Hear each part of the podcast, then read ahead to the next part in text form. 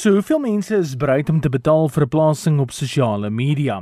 Dit is die vraag na een van die mede-stigters van Twitter, Jack Dorsey, aangedui dat die heel eerste tweet ooit wat deur hom in 2006 geplaas is, op 'n publieke veiling beskikbaar gestel word om aan te skaf. Nou die tweet indien jy dit wen, sal 'n digitale sertifikaat aan jou beskikbaar gestel word, maar die oorspronklike tweet sal nie verwyder word van die platform af nie. Tot dusver staan die botproses op sowat 2,5 miljoen dollar.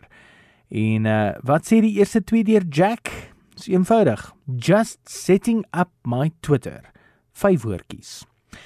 Ander nuus, slimfoonmaatskappye is tans besig met navorsing oor 'n sogenaamde expandable foon. Nou dink gou hieraan, jou foon is 'n sekere grootte, maar as hierdie navorsing suksesvol is, dan sal jou foon die vermoë hê om in 'n oogwink in 'n tabletrekenaar te kan verander, als te danke aan buigbare tegnologie, volgens berigte.